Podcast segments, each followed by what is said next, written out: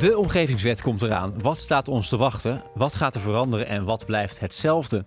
Welke kansen biedt de omgevingswet voor bedrijven? Mijn naam is Koos Tervoren en dit is Stibbe Legal Insights. Deze aflevering duiken we in de nieuwe omgevingswet die per 1 januari 2024 ingaat.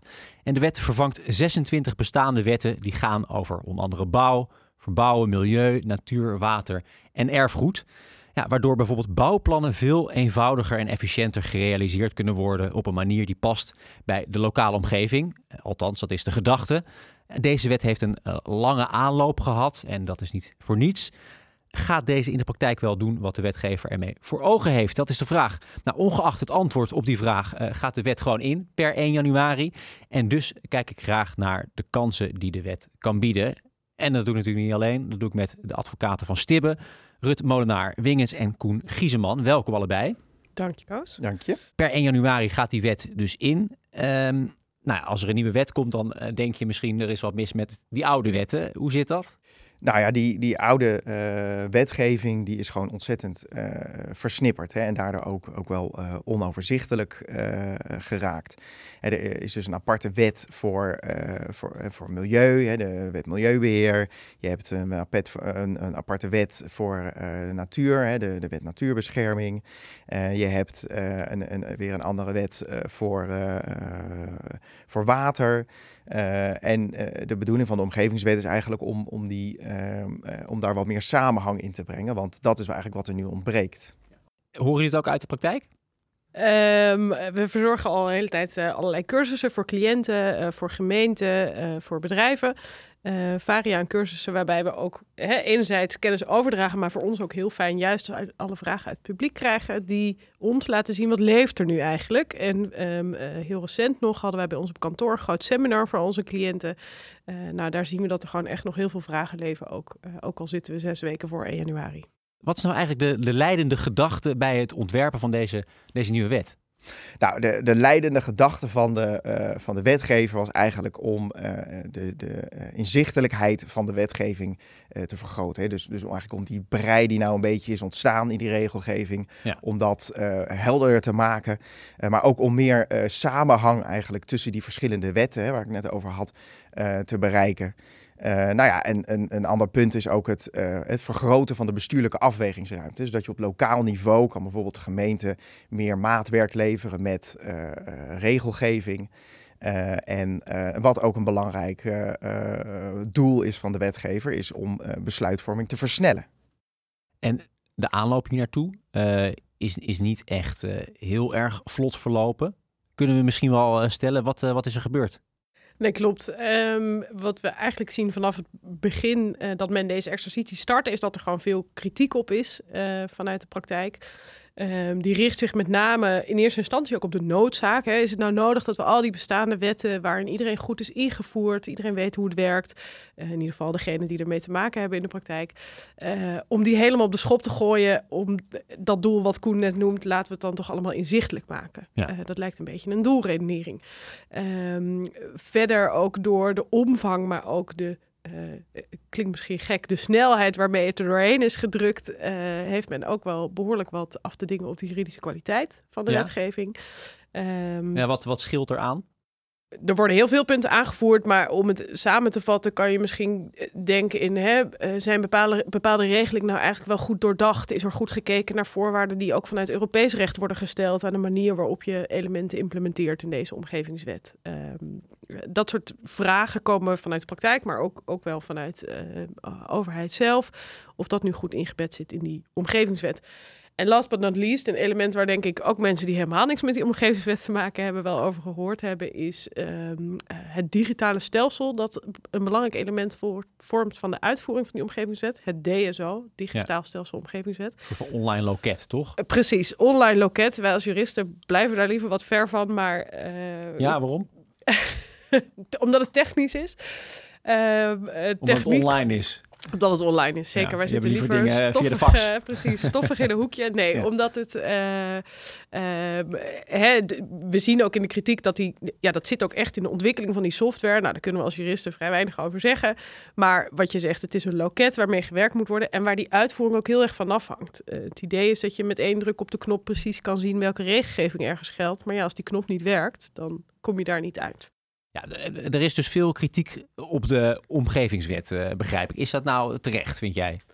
Eh, ik vind het in ieder geval heel begrijpelijk. Eh, ook wij hebben wel, eh, kunnen de nodige kritische noten plaatsen bij de omgevingswet. Intern is ook altijd wel leuk en interessant. Hebben we ook veel discussie over of het nu wel of niet verbetering gaat brengen. En hè, nog, nog los van de inhoudelijke kritiek kan je je ook afvragen. We hebben op dit moment met een woningcrisis, een stikstofcrisis, een energietransitie te maken. Is het dan verstandig om dan een heel nieuw wettelijk stelsel te gaan uitrollen? Ehm, eh, en, nou, en dus ook vanuit de besluitvorming zelf. Hè, de gemeenten moeten daar straks allemaal wegwijs in worden. Eh, je hebt met kinderziekten te maken. We moeten dus zeker daar de kanttekening bij plaatsen dat we straks maar moeten gaan zien of het ook allemaal werkt. Ja.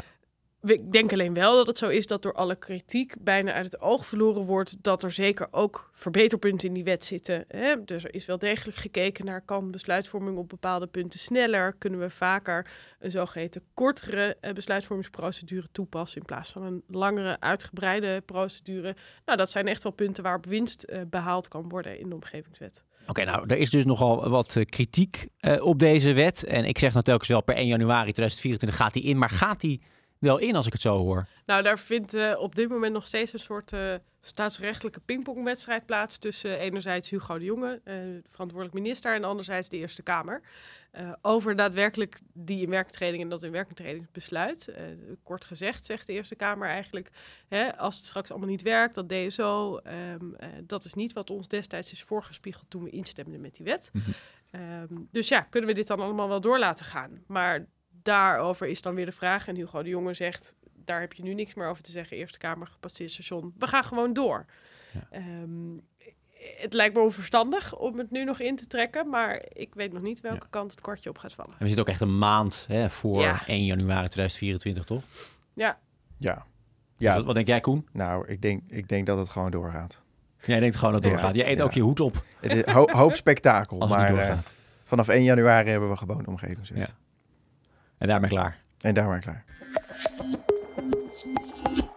Die nieuwe omgevingswet, eh, Koen. Ja, als ik het goed begrijp, bundelt die dus nou, allemaal bestaande wetten over eh, bouw, natuur, water eh, en erfgoed. Eh, ja, hoe werkt dat precies? Hoe, hoe voeg je wetten samen? Of worden dan wetten geschrapt? Hoe werkt dat? Eh, nou, eh, eigenlijk allebei een beetje. Hè? Dus eh, de, kijk, de omgevingswet is wel gewoon echt een, een hele nieuwe wet. Eh, en eh, het, eh, het is wel echt een, een complete herziening eigenlijk van, van dat hele omgevingsrecht. En nou ja, wat, je, wat je ziet is dat veel bestaande regelgeving hè, blijft op een bepaalde manier ook wel weer bestaan.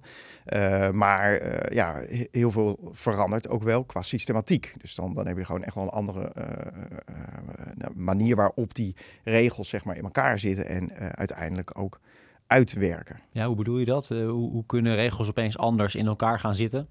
Nou ja, eh, als je ne- neemt dan bijvoorbeeld het eh, omgevingsplan, dat is wel een, een grote wijziging. En nu, nu kennen we dan het bestemmingsplan. En, en je zal zien dat de, de, het omgevingsplan gaat veel meer regelen. Je hebt dan dat, dat bestemmingsplan dat regelt wat, wat je mag doen met, met de grond bijvoorbeeld. En, Mhm. en wat niet. Bouwregels, gebruiksregels. Maar straks komen er ook veel meer milieuregels in. Nou, dat zijn wel echt hele nieuwe eh, eh, regels die in zo'n omgevingsplan komen. Ja, ja. En je zegt ook, er worden ook misschien dingen geschrapt. Hoe zit dat dan precies? Ja, onderdeel van die stelselherziening is dat ook eens gekeken. Wat werkt er wel, wat werkt er niet? Wat hebben we wel, wat hebben we niet nodig van die bestaande wetgeving? Dus Ja. op zich hè, biedt het daarmee ook een, een voordeel dat je zoiets helemaal opnieuw gaat herzien. En dus regelgeving waarvan is gezegd, dit wordt eigenlijk in de praktijk niet gebruikt of eh, dit is dubbelop. Dat wordt ook gewoon geschrapt. Die wetten komen te vervallen met inwerkingtreding van de omgevingswet. Ja, ja precies. Dus ook eens even goed gekeken wat, wat werkt wel in de praktijk eh, en wat niet. Ja. ja. Oké. Hey, laten we eens concreet maken, want het is allemaal een beetje theoretisch. Eh, stel, ik ben een ondernemer met een fabriek. Ehm, en ik wil ergens in een weiland gaan bouwen. Ja, hoe ga ik dan per volgend jaar te werk? in beginsel niet heel veel anders dan nu. In die zin dat je begint met het inzichtelijk maken. Waar moet ik eigenlijk aan voldoen? Bij welk loketje moet ik zijn? Welke vergunningen heb ik nodig voor de activiteit die ik wil gaan verrichten? Ehm, maar voor dit element, daar zie je meteen het belang van uh, de uitvoering van die omgevingswet en dat DSO, digitaal stelsel dat ik net noemde, uh, dat zou je beginpunt moeten zijn straks. Ja. Um, dat vreselijke loket waar je het net over had. Precies, ja. dan moet het dus wel werken. Ja. Uh, het idee is dat daar, je kan op de locatie klikken van dat weiland waar je wil gaan bouwen en dan zou daar uit voort moeten komen um, welke vergunningplicht geldt daar voor het bouwen van je fabriek, voor de milieuregels, heb je daar een vergunning voor nodig of kan je aan algemene regels voldoen? Dus die systematiek uh, verandert dan met name in het DSO.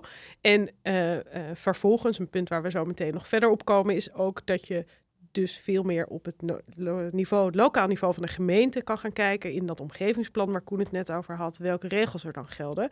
Terwijl je nu uh, onder de oude wetgeving ook nog veel meer kijkt naar de rijksregels. Dus de, gewoon de, de wetgeving die op rijksniveau is uitgegeven. Ja. Um, en dat is in die zin weer een ander loket, want dat is gewoon de, de website van de, van de Rijksoverheid. Uh, dat zou dus straks allemaal in het DSO moeten gaan zitten. Ja, een centraal loket klinkt inderdaad als een vereenvoudiging. Maar ja, ik kan me ook voorstellen dat er meer elementen van de omgevingswet zijn die gaan veranderen. En, en misschien ook wel relevant zijn voor initiatiefnemers. Als je alle elementen wil nalopen, nou dan, dan zitten we weer 1 januari 2025 nog, denk ik. Uh, het is gewoon ontzettend complex en, en de uitwerking moet ook gaan laten zien of het straks werkt en hoe die regels allemaal landen. En we wilden vandaag eigenlijk focussen op vier aspecten waar het bedrijfsleven ook uh, uh, zijn voordeel mee kan doen. om toch ook te kijken naar de kansen die die omgevingswet dan, dan biedt. Um, en daarom wilden we het eigenlijk graag hebben over in eerste instantie integraliteit. Uh, wat dat inhoudt, komen we zo meteen uiteraard op. De mogelijkheid om veel meer maatwerk te bieden op lokaal niveau. De situatie dat je onder de omgevingswet straks minder vaak daadwerkelijk een vergunning nodig hebt, maar vaker gewoon zelf kan toetsen: voldoe ik aan de regels en dus mag ik mijn activiteit verrichten. Ja. En als laatste uh, participatie. Ja. Uh, oftewel, hoe betrek ik iedereen bij mijn plan? Nou, je zei integraliteit. We gaan even uitleggen wat dat is. Wat is dat precies? Ja, uh, dat hangt eigenlijk samen met een van die doelen die Koen straks schetste. Hè? Meer samenhang. We willen meer samenhang tussen al die uh, verschillende wetten, tussen de regelgeving. Uh, centraal in de omgevingswet staat het concept fysieke leefomgeving. dat is eigenlijk alles wat je hier om je heen ziet. Uh, en het idee is dus ook dat in plaats van in, dat noemen we dan sectorale wetten, dus per sector milieu, per sector water, bekijken uh, hoe je besluitvorming eruit ziet en ook die belangen meewegen, is het idee dat je dat allemaal in, even simpel gezegd, in één besluit die belangen samenvoegt en dus ook in onderlinge samenhang die belangen tegen elkaar afweegt. Uh, zodat je ook kan zien wat de impact is van de ene sector op de andere sector. Het is niet zo dat dat nu helemaal niet gebeurt, maar nog veel te weinig. En hoe verandert dat dan nu in de nieuwe omgevingswet? Uh, nou, zoals ik al zei, die, die centrale term is eigenlijk fysieke leefomgeving. En uh, daar zien we ook dat nou, de eerste set artikelen focust ook op die term. En wat verstaan we daar dan onder? Welke onderdelen vallen daaronder? En dat is best wel uniek, want dat zien we niet nu in de huidige wetten. Kan je je afvragen, hoe werkt dat dan? Nou, dat leidt er vervolgens ook toe dat in de besluitvorming door bestuursorganen ook gekeken moet worden naar uh, de in de wet gestelde doelen uh, mm-hmm. en in de wet voorgeschreven activiteiten die in ieder geval onderdeel uitmaken van die fysieke leefomgeving. En dat je dus in de afwegingsruimte, uh, Koen noemde het net al even en we gaan daar dadelijk nader op in, de afwegingsruimte die bijvoorbeeld een gemeente heeft om te zeggen ga ik deze vergunning wel of niet verlenen, moeten die elementen dus ook allemaal terugkomen. En kan je dus niet meer alleen maar kijken naar uh, is dit vanuit het uh, belang van uh, bescherming van het milieu een goed besluit, maar ook is dit in het belang van bijvoorbeeld de gezondheid een goed besluit. Ja, ja er wordt dus naar veel meer gekeken. Ja. Um, en niet meer, zoals je zegt, sectoraal. Precies. Ja. Uh, nou, als ik denk aan de omgeving, dan denk ik ook gelijk aan hoe we, hoe, we, hoe we land gebruiken, uh, misschien aan uitstoot. Heeft klimaat hier ook nog iets mee van doen? Zeker. Um, klimaatverandering en, en bijvoorbeeld ook dat gezondheidsthema wat ik net noemde, dat zijn twee thema's die we anders dan nu onder de oude wetgeving, onder de omgevingswet heel expliciet terugzien. De wetgever heeft gewoon bepaald, dit zijn twee thema's die je in ieder geval moet meenemen in die besluitvorming om het iets meer te duiden. Als nu bijvoorbeeld een bestemmingsplan wordt vastgesteld, hè, een, een, plan waarmee je uh, bepaalt hoe je de ruimte wil inrichten binnen een gemeente, dan gebeurt dat allemaal onder de noemer van wat we uh, noemen een goede ruimtelijke ordening. Oftewel, hoe verhouden die planfuncties zich tot elkaar. Het idee onder de omgevingswet is dat je daar ook dan veel meer, niet alleen maar planologisch naar kijkt, Mhm. maar al die aspecten, zoals klimaatverandering, zoals gezondheid, ook in mee kan nemen. En dat dus ook een reden kan zijn om de besluitvorming een bepaalde kant op te sturen. Dus het geeft bestuursorganen een handvat om eh, bepaalde eh, ontwikkelingen wel of niet toe te laten, of bepaalde voorschriften te stellen, eh, om in het belang van bijvoorbeeld klimaatverandering de besluitvorming te sturen. Dan twee, meer maatwerk. Kijk, de, de gedachte eh, achter de omgevingswet is ook hè, eh, decentraal eh, tenzij. Dus als je het op regels eigenlijk door lagere overheden dichter bij de burger kan laten vaststellen, dan moet, dat, dan moet dat ook zo gebeuren. Hè, dus, en dan het laagste niveau, zeg maar, het dichtste bij de burger, dat is dan zeg maar de gemeente. Eh, tenzij er grensoverstijgende eh, belangen zijn, dan ligt het meer voor de hand om ook bijvoorbeeld provincie of het Rijk in te schakelen. Kijk, nu heb je nog, nog op, eh, op een hoop punten hele uniforme regelgeving hè, op rijksniveau. En dan is er weinig of, of geen mogelijkheid om daarvan af te wijken. Terwijl dat misschien in, een, in een concreet geval wel wenselijk is. En, en misschien eigenlijk, hè, als je nou let op de gevolgen voor die fysieke leefomgeving, ook wel mogelijk is. Ja. Nou, en om- onder de omgevingswet is dan gekeken van, nou, wat moet nou echt noodzakelijk op rijksniveau gebeuren en wat niet? Wat kan zoveel mogelijk worden gedecentraliseerd en eh, eh, nou ja, zoveel mogelijk dus op eh, gemeentelijk niveau worden besloten. Ja, en, en wat moet er dan nog wel landelijk worden geregeld en wat wordt dan opeens regionaal geregeld? Nou ja, dat is met name eh, als je dus te maken hebt met eh, eh, eigenlijk grotere belangen die dus, die dus niet alleen maar een, een gemeente voor zichzelf zou kunnen regelen. Nou, iets, iets waar ik dan bijvoorbeeld aan denk is eh, eh, bouwregelgeving. Hè? Dus, dus Ja. dat, dat, dat je bijvoorbeeld regels hebt voor eh, de draagconstructie van je huis. Ja, Eh, we willen landelijk dat elk ja. huis blijft staan. Precies, en, en het heeft ook geen zin om dat op eh, gemeentelijk niveau bijvoorbeeld anders te gaan regelen. Want Precies. elke gemeente, daar gelden dezelfde eh, natuurwetten, zeg maar. Omgekeerd, hè, voorbeeld van de andere kant, iets wat je bijvoorbeeld wel op gemeentelijk niveau wil regelen en waar de wetgever expliciet heeft gekozen, dat gaan we dus eigenlijk van dat rijksniveau halen naar het lokaal niveau, is geluidregelgeving. Ehm, juist vanuit de gedachte, ja, als ik last heb van het café om de hoek, dan kan de gemeente dat veel beter bepalen in hoeverre dan die geluidsnormen moeten bijgesteld dan dat ze dat in Den Haag gaan doen. Ik kan me ook voorstellen dat het misschien wel scheve gezichten eh, oplevert. Ehm, zeker als eh, fabrieken wel, eh, vieze fabrieken, laat maar even zo noemen, in een bepaalde gemeente wel gebouwd mogen worden en een andere gemeente niet. Ja, dan gaan mensen in die gemeente waar wel mag gaan dan misschien denken van ja, hallo, eh, waarom hier wel en daar niet? Eh, nou ja, die mensen die kunnen natuurlijk ook eh, invloed uitoefenen op uiteindelijk de regelgeving voor die vervuilende bedrijven. Maar Dus ja, dan moeten ze anders stemmen. Daar moeten ze over stemmen, ja. Maar misschien willen ze juist ook wel graag daar, daar ruimte voor bieden. Hè? Dus dat ze zeggen van nou, hier maken we gewoon ruimte voor die vervuilende bedrijven. Waar je dus wat meer geluidsoverlast, wat meer trilhinder, wat meer geuroverlast kan veroorzaken. Eh, want wij willen bijvoorbeeld wel graag dat daar eh, dat bedrijf eh, komt te staan. Nou, dan, en dan, dan kun je dat dus op die manier eigenlijk faciliteren met regelgeving. En in een andere gemeente, daar zeggen ze van nou ja, hier willen we bijvoorbeeld geen zware industrie hebben. Nou ja, dan maak je die regelgeving niet zo. Nou ja, de, burger eh, krijgt misschien ook wel een rol hierin. In ieder geval eh, bij de ene gemeente eh, krijgt de burger te maken met een fabriek die wel in het weiland geplaatst mag worden en de andere gemeente niet. Kan de burger ook zelf iets doen? Kan hij naar de gemeente gaan, aankloppen of zeggen van hé, hey, ik ben het er niet mee eens? Of misschien juist wel.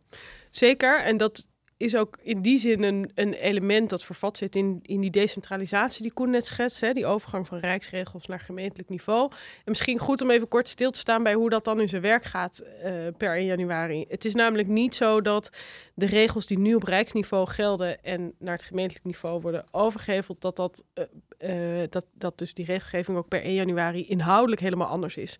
Wat heeft de wetgever gedaan? Ehm, eh, ze hebben bedacht dat er een soort bruidschat eh, vervat zit in die omgevingswet. Een leuke, leuk cadeautje van Den Ja. Haag aan, eh, aan alle gemeenten in Nederland. En ehm, eh, eigenlijk alle regels waarvan ze bedacht hebben, deze hoeven we niet meer op rijksniveau te regelen. Bijvoorbeeld eh, die geluidregelgeving waar we het net over hadden.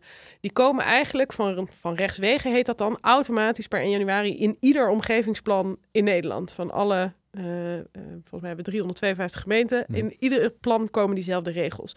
En vervolgens hebben gemeenten tot 2032 de tijd om te bedenken wat ze daarmee willen. Daar zit dus ook die bestuurlijke afwegingsruimte in. Willen we deze regels wel of niet behouden? Het voordeel van die systematiek is dat je dus niet meer regelgeving hebt die op rijksniveau wordt vastgesteld, waar je als burger eigenlijk helemaal niet tegenop kan komen. Dat Nee. zijn algemeen verbindende voorschriften, er staat geen beroep tegen open. Maar zo'n bestemmingsplan, straks omgevingsplan, en ook een besluit van de gemeente om zo'n regel wel of niet eh, te behouden, daar kan een burger wel tegen opkomen. Ja. Ehm, Ja. En in die zin biedt dat dus ook meer ruimte voor burgers om daarin mee te eh, beslissen, mee te denken. Alright, gaan we naar eh, ja, vergunningen. Ehm, er komt dus meer maatwerk enerzijds, maar ook dat je dus minder vaak als iets wil met, met de ruimte een vergunning nodig hebt. Eh, hoe zit dat precies, eh, Koen?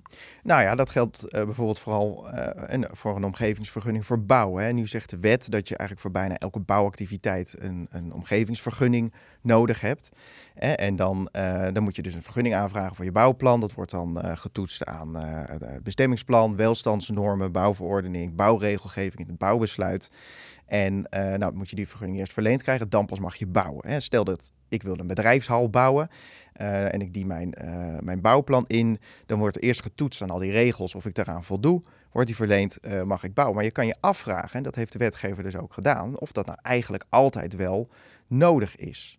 Hè, dus als, Ja. als mijn bouwplan voldoet aan, aan, aan de ene regels en de andere regels wel, en de ene regels niet en de andere regels wel, kunnen we daar niet wat, is het dan wel nodig om altijd een, een vergunning te Ja. vragen? Nou ja, je zou ook kunnen zeggen, het is op zich goed dat er toch iemand toetst eh, wat er met de publieke ruimte gaat gebeuren. Zeker, maar dat is het punt eigenlijk. Hè. Waar eh, toets je op?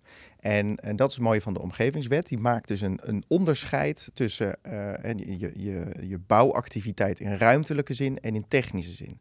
En de bouwactiviteit in ruimtelijke zin, dat houdt dus in eh, dat je eh, een, een vergunning kan je dus, vergunningplicht kan je opnemen in je omgevingsplan.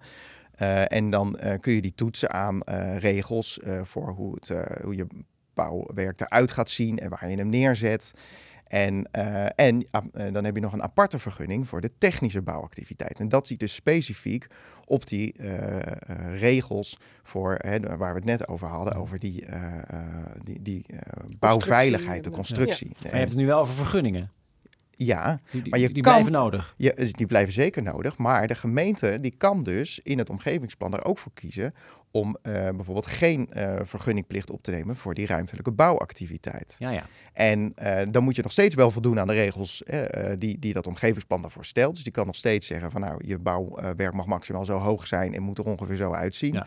Maar je hoeft niet meer eerst langs te gaan bij de gemeente. Met allemaal Om- tekeningen. Precies, om een toestemming te vragen. Hoef je ge- geen leesjes te betalen. Eh, en dan mag je in ieder geval voor dat deel, eh, heb je niet eerst een preventieve toets. Brengt het ook niet een risico met zich mee dat, dat er straks allemaal eh, gebouwen worden neergezet waarvan al die tekeningen en doorrekeningen niet kloppen en niemand die ernaar heeft gekeken? Nee, dat, dat denk ik niet. Want eh, kijk, je, je wil ook op zich wel dat je aan de regels voldoet. Want als je iets illegaals bouwt, dan, dan moet je het dadelijk misschien wel weghalen. Ja, het is wel een verschuiving naar bijvoorbeeld eh, hè, meer toetsing aan de achterkant. En dus bijvoorbeeld door middel van handhaving. Een gemeente zal dus niet meer aan de voorkant toetsen, maar gaat vervolgens eh, steeksproefgewijs of eh, hoe ze dat doen, eh, in de praktijk kijken of bouwwerken voldoen, om even bij dat voorbeeld te blijven. Eh, en zullen dan moeten gaan handhaven als het niet voldoet. Dat kan ook zijn dat dat bijvoorbeeld op initiatief van een burger gebeurt die zegt: dit, dit bouwwerk naast me voldoet niet, wilt u alsjeblieft gaan handhaven? Dus Ja, daar zit, precies, ja. Het is ook niet zonder risico in. voor de initiatiefnemer natuurlijk. Nee. Je, je hebt het maar beter gewoon goed voor elkaar en eh, goed doorgerekend. Nou ja, je kan wel zeggen dat eh, ik denk, de burgers krijgen ook meer verantwoordelijkheid om aan de regels te voldoen. Veel vertrouwen ook in burgers. Ja, zeker. Dat wordt ook, ook onder de omgevingswet in ieder geval meer verwacht eh, van het bevoegd gezag. Ja. Tegelijkertijd natuurlijk ook meer uitzoekwerk voor projectontwikkelaars. Die moeten het zeker eh, zelf ook goed gaan onderzoeken. Ja, eh, verhoging van de onderzoekslasten eh, wordt daar inderdaad, hoort daarbij. En ook een vergrote onzekerheid, ook, hè, ook voor die burgers, maar zeker ook voor bedrijven. Want het is toch ergens ook wel prettig in sommige gevallen om een stempeltje van de gemeente Ja. te hebben die zegt, eh, nou hier heb je vergunning, je voldoet, ga lekker aan de gang. Dan, dan eh, heb je ook een afgebakende toestemming. Ehm, dus het, is, hè, het biedt zeker voordelen, maar ook hier is wel een kritische noot bij te plaatsen dat je je kan afvragen hoe prettig het is om niet zeker te weten of dat wat je doet ook in overeenstemming is met de regels. Want het is niet altijd klip en klaar hoe zo'n regel luidt. Nee, ja, voor hetzelfde denk je dat je goed bezig bent, maar dan uh, toch drie jaar later heb je, word je voor de rechter gesleept door, door de buurman. Ja. Die het eigenlijk maar allemaal niet vindt kunnen. Ja, ja. dus ja, zeker. Nou, over buurmannen gesproken. Ja, participatie. Nummer vier. Um, is dat als ik uh, de buurman ben en bezwaar heb uh, tegen ja, iets wat naast mij wordt gebouwd, dat ik dat kenbaar kan maken? Of wordt ook actief met mij gecommuniceerd over dingen? Of zijn er verplichtingen voor initiatiefnemers? dat is het idee. Ik denk dat op, op voorhand wel de kanttekening gerechtvaardigd is dat het een, een een uh, beetje een uh, vrije vorm is. Um, de wetgever besteedt meer aandacht aan participatie dan nu onder de bestaande wetgeving. Dat is onder de omgevingswet in ieder geval uh, het geval. In sommige gevallen geldt een verplichting voor besluitvorming om eerst te laten zien: heb je uh, gedaan aan participatie. En hoe heb je dat dan gedaan? Wat moeten we daaronder verstaan? Uh, heb je inderdaad gepraat met de buurt als ontwikkelaar uh, of als initiatiefnemer van een bepaalde activiteit? Heb je iedereen erbij betrokken? Heb je je stakeholders in kaart gebracht en heeft iedereen zijn zegje kunnen doen? Je kan het in zekere zin zien als een soort compensatie eigenlijk van de wetgever voor die onzekerheid die we net schetsten. Um, hè, dat je ook in de, in de planvormingskant, op het moment dat zo'n omgevingsplan wordt vastgesteld, dat daar ook um, heel nauwlettend aan participatie wordt gedaan. Maar ja, of dat ook helemaal die vorm gaat krijgen en of dat zo hard gemaakt kan worden, de omgevingswet, is wel de vraag. Ja, ja, ja, ja. ja, ja. En wordt de kans groter dat ja, vergunningen niet worden afgegeven vanwege bezwaren?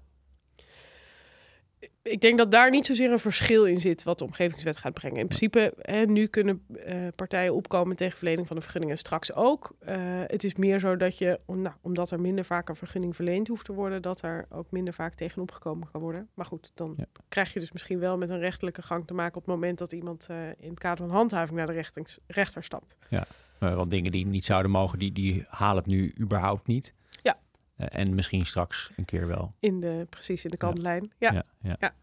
En uh, hoe ga je daar als bedrijf nou mee om met, uh, met participatie? ja, dat is ook wel een vraag die we, die we vanuit onze praktijk veel krijgen. Hoe moeten we dat dan straks gaan inkleuren? Is dat een veel zwaardere vorm van participatie dan, dan partijen nu al trachten te doen? Um, kijk, op zich kan je er ook heel erg je voordeel mee doen door aan de voorkant heel erg in die participatie in te zetten iets wat nu bijvoorbeeld al wel uh, in de wettelijke procedure geldt voor een zogeheten tracébesluit, voor de aanleg van een snelweg bijvoorbeeld. Daar zit in die procedure zit al een heel groot participatie-element.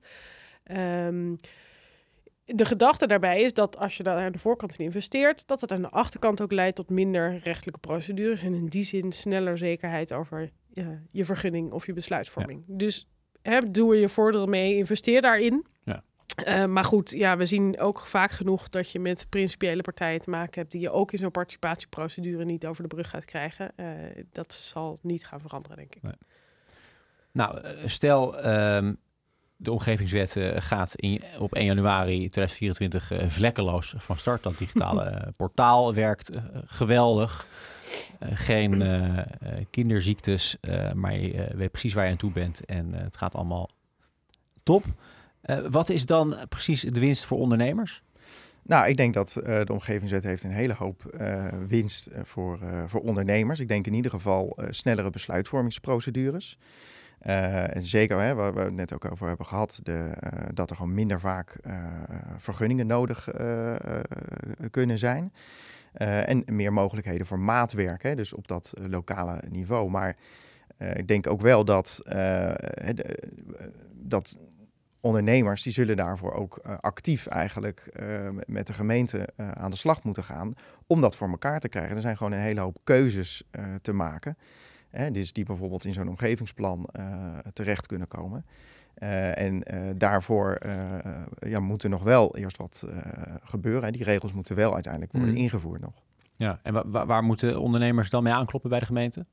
Nou ja, bijvoorbeeld als zij meer maatwerk willen, dan, uh, en dan uh, kunnen ze die regels in overleg met de gemeente bijvoorbeeld uh, in dat omgevingsplan uiteindelijk krijgen.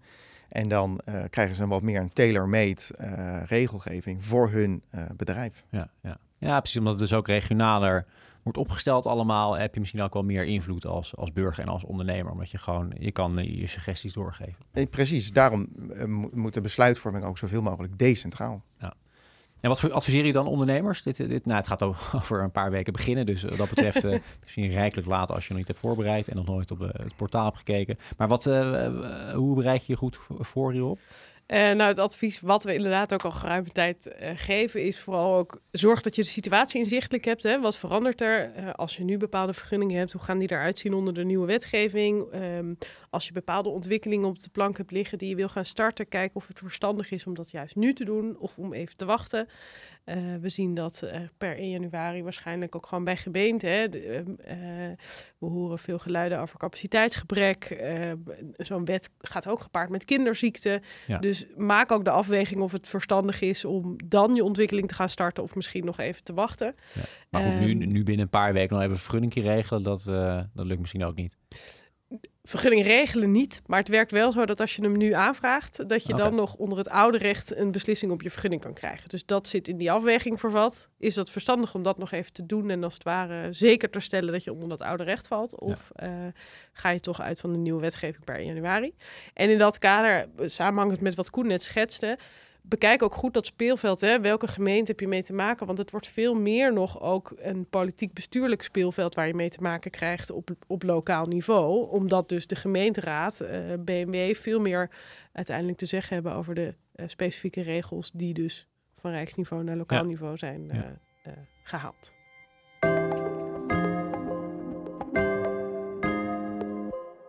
Dank, Rut en Koen. Uh, nog even uh, samenvattend. Ja, Koen, je hebt al een beetje het gras voor voeten weggemaaid met je geweldige tips op het einde.